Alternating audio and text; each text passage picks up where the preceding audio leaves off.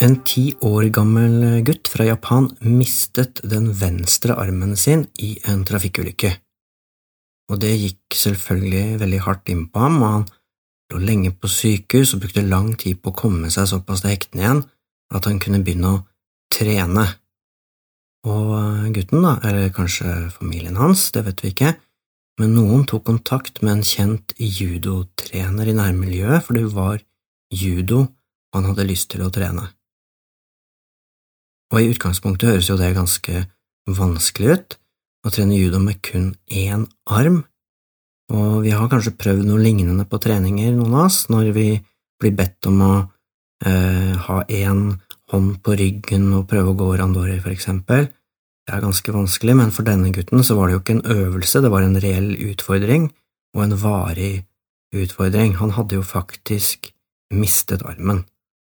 Og etter å ha trent rimelig hardt, og i hvert fall jevnt og trutt i ca. tre måneder, han var jo tross alt bare ti år gammel, så ble han lei av å bare gjøre det samme eh, opplegget dag ut og dag inn og bare øve på én teknikk hele tiden. Og da sier han sensei, altså treneren, til treneren, sensei, nå har jeg trent på den samme bevegelsen i tre måneder, når skal jeg lære noe nytt? Og den gamle mesteren svarer, de er alltid gamle, disse mesterne, det er den eneste bevegelsen du noen gang kommer til å ha bruk for i judo. Og som vi skal høre litt seinere i dagens episode, så stiller man ikke oppfølgingsspørsmål til disse gamle mesterne fra Japan, så selv om ikke dette var særlig oppløftende og motiverende for den lille gutten, så fortsetter han å trene på den samme teknikken, uten å stille spørsmål ved det. Og dette varer og rekker, og Syv måneder senere, da har han trent i nesten et år, da melder mesteren, da, denne snart elleve år gamle gutten, på et lokalt judostevne. Og der, ikke overraskende, ender det med at gutten faktisk vinner sin vektklasse. Tilbake på treningen så sier gutten til treneren, «Eh, Sensei, hvordan er det mulig at jeg, som bare kan utføre én eneste judoteknikk, og som mangler den venstre armen, klarte å vinne over de andre utøverne? Og da svarer treneren, det er to grunner til det. For det første, teknikken du har lært er blant de mest komplekse og avanserte i judo, og den mestret du fordi du trente på den hver eneste dag. Og for det andre, det eneste forsvaret mot teknikken er at motstanderen din tar tak i din venstre arm.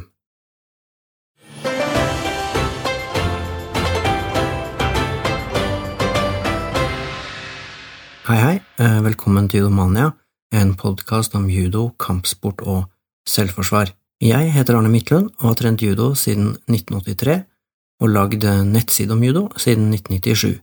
Den finner du på judomania.no, og der finner du også denne podkasten. Den finner du selvsagt også overalt ellers der du vanligvis hører på sånt. Abonner, like gjerne, først som sist, da får du med deg de nye episodene som kommer annenhver mandag. Og så har jeg et lite spørsmål til deg som hører på. Det hadde vært veldig fint om du kunne tipse en venn eller to om det her. Én venn er fint, og to er helt fantastisk. Det er også veldig hyggelig med tilbakemeldinger og kommentarer på det jeg lager. Noen av dere kommenterer på Facebook. Gjør gjerne det. Det er også mulig å legge inn en tekst eller muntlig kommentar til og med på judomania.no podkast. Eh, disse lydmeldingene eh, får jeg til min e-post, de legges ikke direkte ut på nettsida, eh, men hvis du vil ha med lydmeldingen din i en podkastepisode, så er det bare å si fra. Dette er den femte episoden i podkasten, og det kommer som sagt en ny episode da annenhver uke på mandager. I mange sammenhenger, og kanskje særlig i kampsport, så kan det hende at man snakker om de gode, gamle dager, eller old school, at ting må gjøres på en annen måte enn den moderne eh, måten, og da er det underforstått at den moderne måten kanskje er eh, mer lettvint, litt raskere og litt mindre verdt. Men hva er egentlig old school?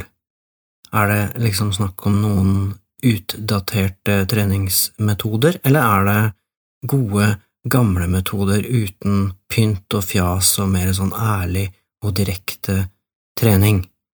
Den undervisningen eh, vi skal ta for oss i dag, har ikke noe direkte å gjøre med den undervisningen som elever verken i Norge eller Japan blir utsatt for i våre dager. I dag skal det heller handle om tradisjonell japansk undervisning, og da kan det være lett å tenke seg at da går det litt over eh, stokk og stein, men eh, mye av det er faktisk ikke så aller verst, synes jeg.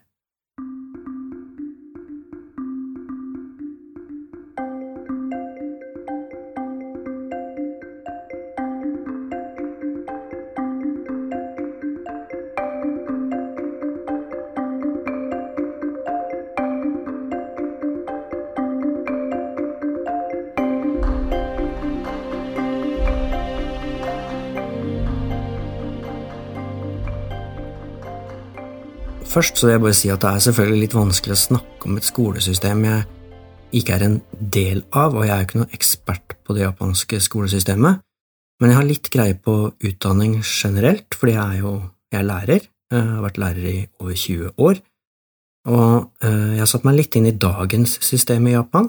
Det har også noen sånne kjennetegn og særegenheter, og noen av de kan vi kanskje delvis kjenne igjen fra vårt eget skolesystem, men for å liste opp noen av de, da, så er det sånn at eh, lærere og elever spiser felles måltid i samme matsal, og så har man også et fenomen som heter soji, som handler om at alle på skolen, elever, lærere, kanskje til og med ledelsen ved skolen, rydder og vasker eh, lokalene, og det er litt det samme man kan oppleve i sånne dojord, hvor eh, elevene, altså utøverne, vasker eh, judomattene, og man kan vel kanskje også se det når japansk publikum har vært til stede på for eksempel VM i, i fotball, der de rydder tribunene, ikke bare sitt eget søppel, men det andre også har kasta på tribunene, da. Eh, elever og lærere forventes å jobbe i ferien, også i sommerferien, så da kan man kanskje lure på om det er egentlig ferie. De bruker uniform, det vet kanskje mange av oss, men de har også eh, samme type skolesekk, eh, Rando Zero kalles den. Eh, og så, det husker vi også fra en tidligere episode, så er jo svømming veldig sentralt i Japan, og veldig mange grunnskoler, så å si alle jeg har lest et sted, har et svømmebasseng i umiddelbar nærhet eller ved skolebygningen, og da kan det være snakk om å ha det på taket for den saks skyld, bare at japanske barn skal eh, lære å svømme. Det er også viktig i norsk eh, skole, men det er veldig få skoler, i hvert fall sånn i sentrum eh, av store byer, som har svømmebasseng. Så er det også sånn at hver, skole har sitt eget uh, idrettslag, og det hørte vi også at Jigoro Kano var med på å innføre i sin tid. Når det gjelder den moderne japanske undervisningen, så er den også veldig lik det som vi ideelt sett gjør her i Norge. Den fokuserer på problemløsning, og setter da det elevene skal lære seg, inn i en slags logisk sammenheng. Det starter kanskje ofte med at læreren presenterer en problemstilling, og så jobber elevene i grupper, og så jobber de hele timen med å prøve å finne svar, og mot slutten av en økt så diskuterer man løsningsstrategier. Dette er jo ikke ukjent for oss, og sånn er det altså i våre dager, men hvordan var det her i gamle dager?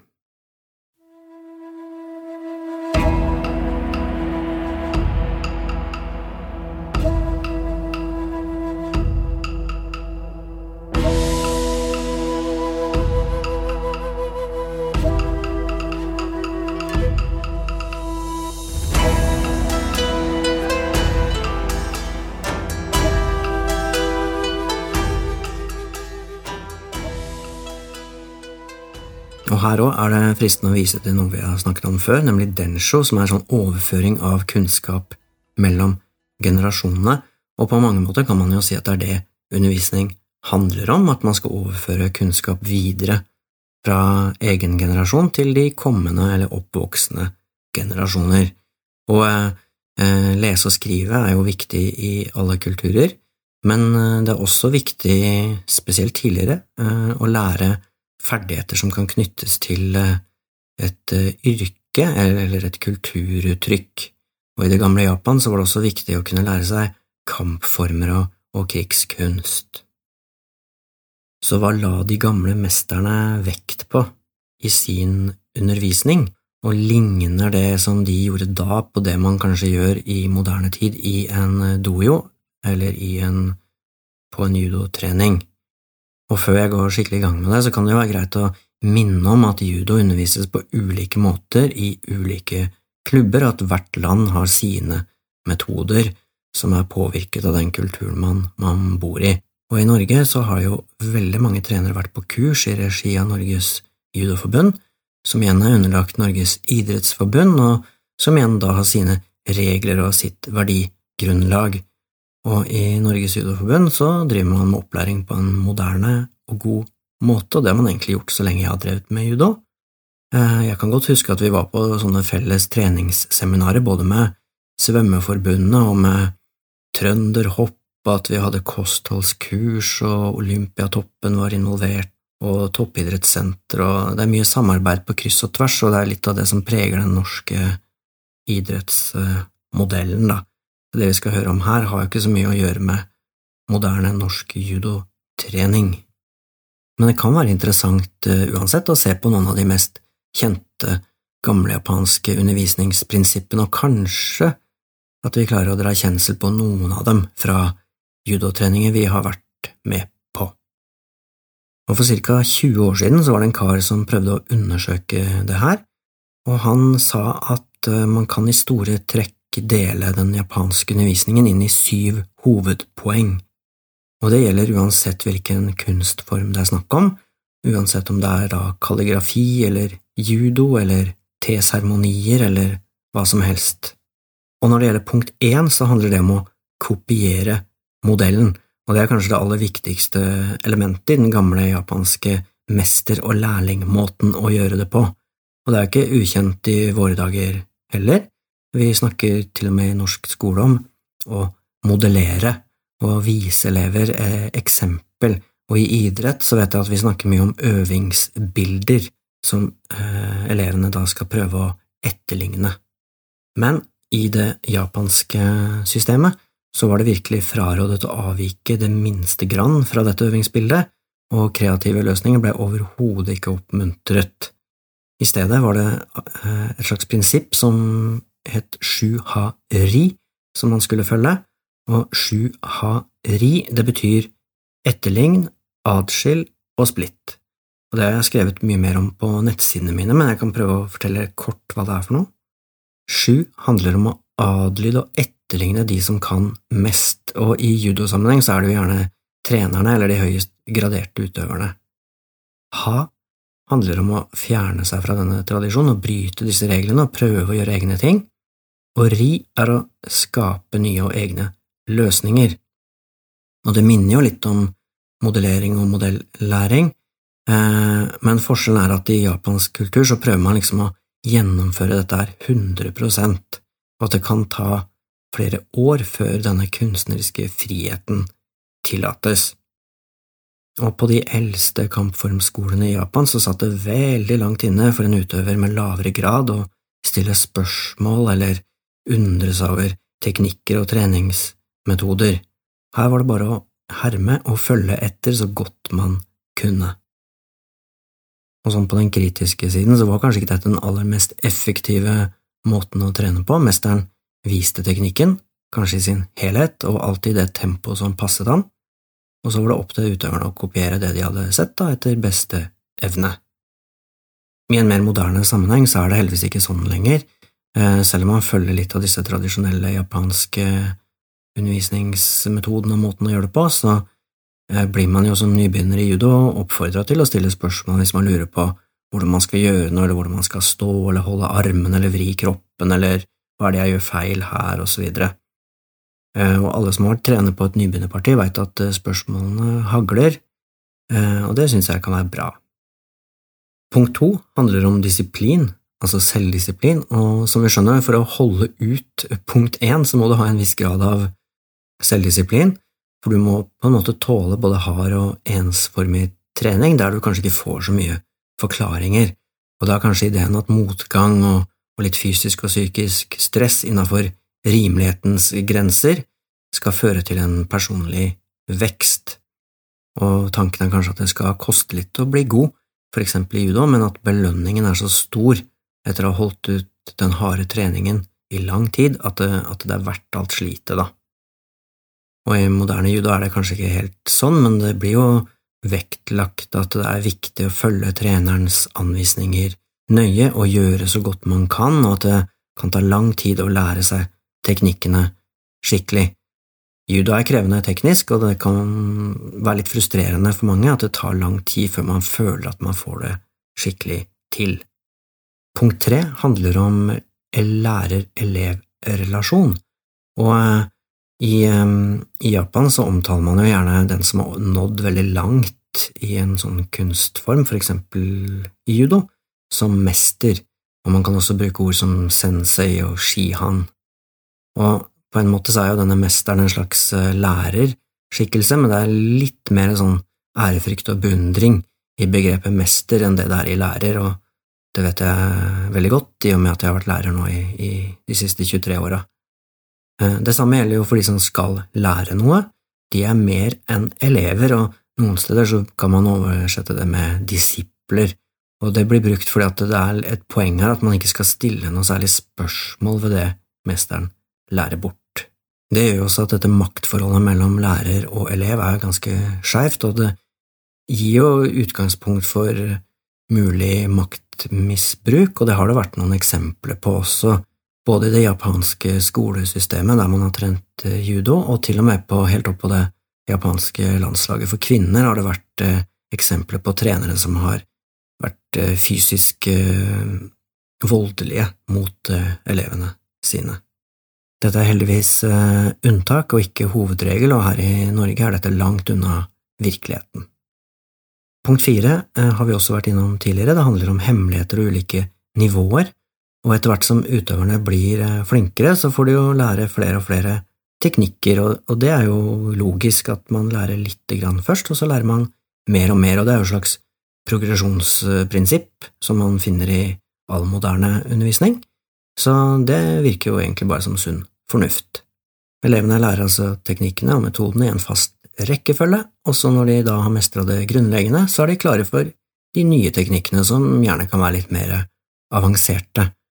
Forskjellen er kanskje at i moderne undervisning så er det ikke noe hemmelig hva målet er, eller hvor sluttpunktet er, og man, man er liksom åpen om alle deler av prosessen, og i det gamle systemet så var kanskje dette knytta til mer hemmelighold og, og, og, disse hemmelige rullene og makene som vi hørte om i episoden om beltesystemet i judo. Punkt fem i denne gammeldagse eh, måten å tenke undervisningen på handler om de ulike retningene og tradisjonene, og eh, mange kunstformer i Japan, også når det gjelder kampformer og kampsport, har ulike skoler og retninger, og dette er jo veldig tydelig. Jeg trente karate en periode, og der er det utrolig mange ulike systemer og retninger. Ikke så mye judo, kanskje, selv om man kan si at judo er en retning innenfor jiu-jitsu, og i judoens barndom var det jo mange ulike jiu-jitsu-skoler. Eh, man kan jo kanskje også si at brasiliansk jujutsu er en retning innenfor judo, på en måte, som har mye mer fokus på bakkekamp men sånn stort sett så vet alle hvis du trener judo, da vet man hva det er du holder på med. Eh, hvis man for eksempel trener eh, karate, så opplevde i hvert fall jeg at oppfølgingsspørsmålet ofte var hvilken stilart trener du? Punkt seks handler om den nonverbale kommunikasjonen, og jeg husker da jeg gikk på disse gamle trenerkursene i regi av Buskerud judokrets, så var vi opptatt av at trenerne ikke skulle prate for mye og det skulle ikke være noen lange og filosofiske utredninger om, om meningen med liv og hva judo egentlig er, og så videre, um, særlig når det ikke var liksom behov for det. Hvis du skal demonstrere balansebrudd i forbindelse med et skulderkast, så er det ikke noe vits i kanskje da å ta for seg hele historikken til judo. I de tradisjonelle kampformene så var kanskje utfordringen heller motsatt, sånn som jeg har vært innom eh, tidligere her, at trenerne sa lite, veldig lite, som regel så ble bare teknikkene demonstrert uten forklaring, men så var det også det at hvis mesteren først begynte å snakke, så var det helst de store og symbolske og metaforiske vendinger som egentlig ikke ga noe som helst økt forståelse for hvordan man skal utføre teknikkene. Og denne måten å tenke på synes jeg kanskje kommer godt fram av et uh, sitat som jeg liker godt. Det er uh, av den kinesiske zen-buddhisten Qingyan Wei-chin på 900-tallet, og hvis jeg klarte å uttale det riktig, så er det helt utrolig. Men uh, i hvert fall, um, sitatet går omtrent sånn.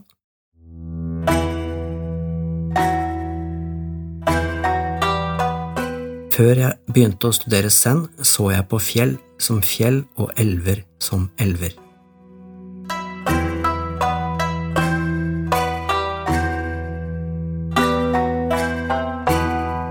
Etter å ha studert zen en god stund, kom jeg til et punkt da jeg så at et fjell ikke bare er et fjell, og elver ikke bare er elver.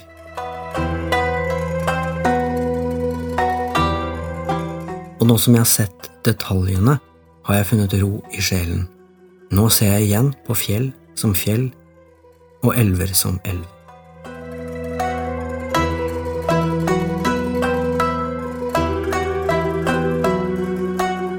Og det er jo klart, hvis treneren begynner å snakke om fjell og elver når man egentlig skal holde på å øve på et hoftekast, så kan det jo bli litt eh, forvirrende, selv om poenget er aldri så godt. Det siste punktet, punkt sju, handler om at treningen gjerne har en sånn åndelig faktor, og dette er jo eh, forsvinnende lite, vet vi, i moderne judo. Moderne judo er jo mer eller mindre en rein konkurranseidrett i de fleste sammenhenger.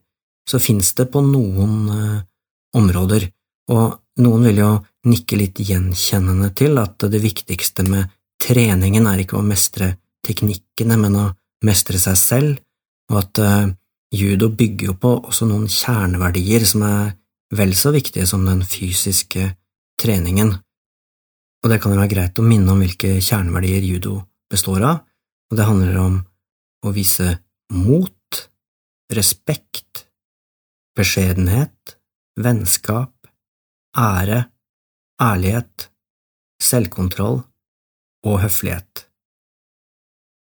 Og hvis vi nå ser tilbake på den historien som jeg starta med, med denne gutten som hadde mista armen og måtte holde ut ensformig trening, og egentlig ikke fikk et godt svar fra treneren sin på hvorfor han skulle trene på denne måten, men som endte opp med å vinne en konkurranse, så kan man jo si at uh, det er mange av disse syv punktene her som stemmer overens da, med hvordan uh, utfordringen ble løst i den fortellingen.